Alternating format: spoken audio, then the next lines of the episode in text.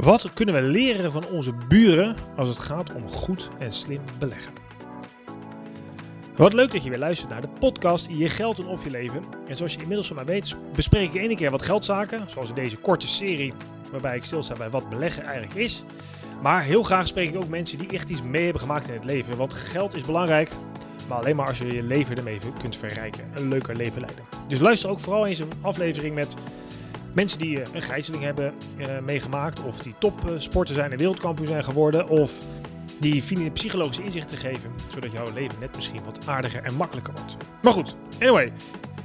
Deze aflevering gaat dus over de buurman. Uh, en deze aflevering is zoals altijd ook weer mede mogelijk gemaakt door NNK Vermogensbeheer. Kijk voor meer informatie op nnk.nl.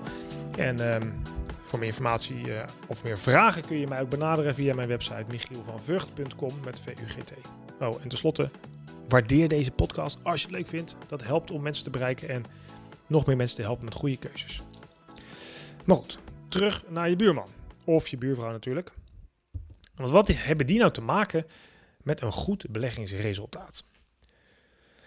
Nou, ik heb nog eens de eer om uh, voor een grote, hele grote groep, soms zelfs mensen, uh, te praten over wat eigenlijk beleggen is en hoe je goede financiële keuzes maakt.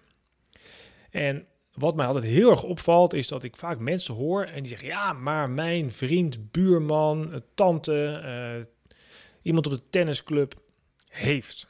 En dan krijg ik een verhaal over een goede belegging, fantastisch rendement, weet ik veel wat. Er wordt heel vaak gekeken naar andere mensen. En dit is, wat mij betreft, een hele slechte strategie. Ik zal je uitleggen waarom dat zo is.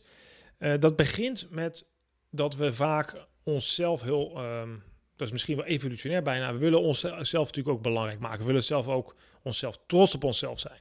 Dus dat betekent dat je eerder je successen deelt dan je falen. Dus als we het over beleggen hebben, merk dat ook op verjaardagen. Zeggen, ja, maar ik had dat aandeel gekocht, ging toen fantastisch. Had ik altijd al gezien hoor, altijd al gezien. Maar we horen eigenlijk nooit als iemand een aandeel heeft gekocht van een bedrijf dat misschien failliet ging. Ja, misschien van je hele goede vrienden of je hele nauwe familie. Maar vaak horen we alleen maar de succesverhalen. Dat is natuurlijk verre van realistisch, want tegenover succes staat vaak ook falen. En zeker als je een zelfbelegger bent die uh, nogal specifiek belegt, waar de eerdere aflevering over ging. Maar dat is misschien nog niet eens heel erg. Wat nog veel erger is, is het feit als je kijkt naar anderen en je daar zelf mee vergelijkt, dat je op basis van een verkeerde uitgangspositie gaat starten met jouw belegging. En juist misschien zelfs verkeerde verwachtingen krijgt. Ik zal je uitleggen hoe dit zit. Dit verhaal heb je ook wel eens eerder gehoord. Of misschien als je mijn boek hebt gelezen, net slimmer, dan weet je dit wel. Maar het is toch altijd een aardig verhaal en het geeft ook wat te denken. In Japan is een, um, nou, een jaar of tien, denk ik, 15 geleden, een groot onderzoek gedaan onder zo'n um, ehm, 90.000 werknemers. Hebben ze 14 jaar lang gevolgd en hebben ze de geluksbeleving van die mensen beoordeeld. Nou, om lang verhaal kort, het kwam er eigenlijk op neer dat ze vroegen hoe gelukkig ben je? En dan konden ze op basis van um, een uh, antwoord, uh, dat werd eigenlijk vooral, sorry, dat antwoord is vooral gebaseerd op hoe gelukkig ben je in je werkomgeving als je kijkt naar je collega's? En wat kwam daaruit naar voren? Dat mensen hun geluk lieten afhangen op hun werk van wat hun collega in hun team verdiende. Dus twee uh, mensen die ongeveer even oud zijn, dezelfde opleiding, dezelfde functie. Als een van de twee dan iets meer verdiende, dan was de laagst verdiende vaak ongelukkig en de hoogst verdiende gelukkig. Wat in essentie heel bizar is, als je er goed over nadenkt, wat dat betekent dat je je eh, eigen geluk laat afhangen van iemand anders. We noemen dit ook wel relatief nut. Uh, dat wil eigenlijk zeggen dat nut is een soort eenheid voor geluk, wordt wel gezegd. Maar dat laten ze altijd afhangen ten opzichte van iemand anders. Dus relatief ten opzichte van iemand anders. Het is niet absoluut. Nee, ik ben beter dan, ik heb het beter dan. Dat maakt mij gelukkiger. Nou, ontzettend treurig. Um, of je kunt het in je voordeel gebruiken door alleen maar te kijken naar mensen die slechter, zijn, eh, slechter af zijn dan jij. Dus uh, weet ik veel, mensen die met een uh, rubberbootje de Middellandse Zee overtrekken om uh, Europa te bereiken. Kan je alles van vinden, maar dat doe je niet voor je lol. de grote kans dat je doodgaat. Luister maar de podcast met Rob Timmerman terug, die daar mensen uit de zee plukt.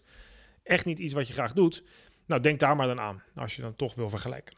Beter is om niet te vergelijken. Wat nog veel beter is en veel sterker is en in de beleggingssfeer leidt tot een hoger resultaat.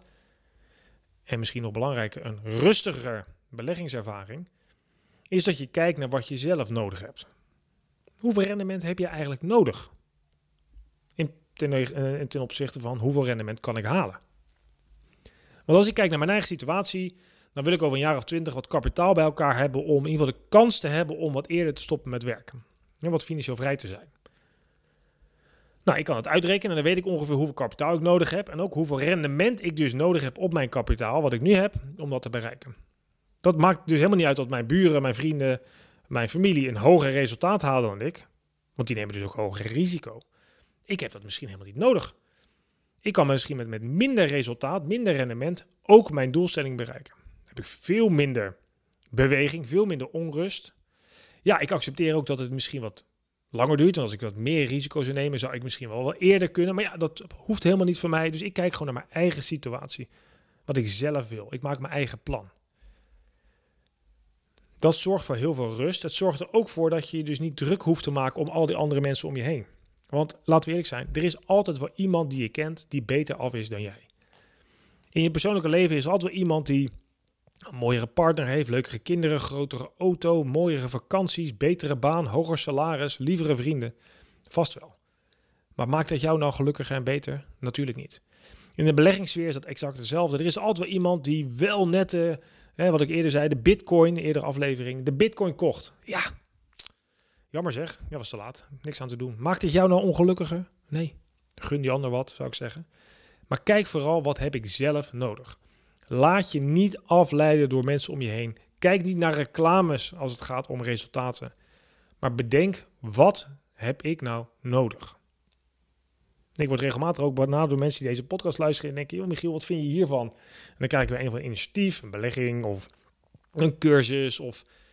En het gaat heel vaak om hetzelfde. Veel geld verdienen, financieel vrij worden, uh, allemaal tips en trucs, uh, gouden beleggingstips, uh, beste producten, weet ik veel wat.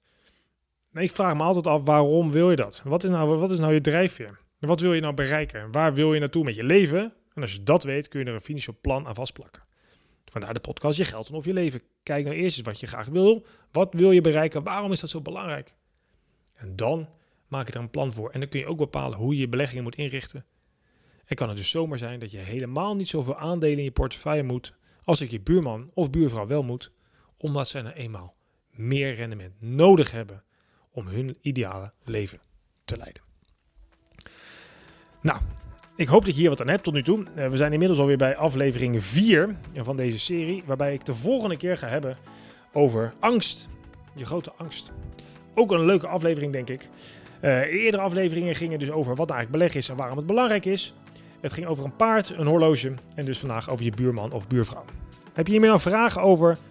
Uh, stuur me vooral een berichtje. Kan een mailtje, een WhatsAppje, uh, wat dan ook zijn via michielvanvugt.com, vugt.com. Of uh, kijk voor meer informatie over beleggingen op nnk.nl, die deze podcast mede mogelijk maakt. Ik dank je wel voor het luisteren en tot snel.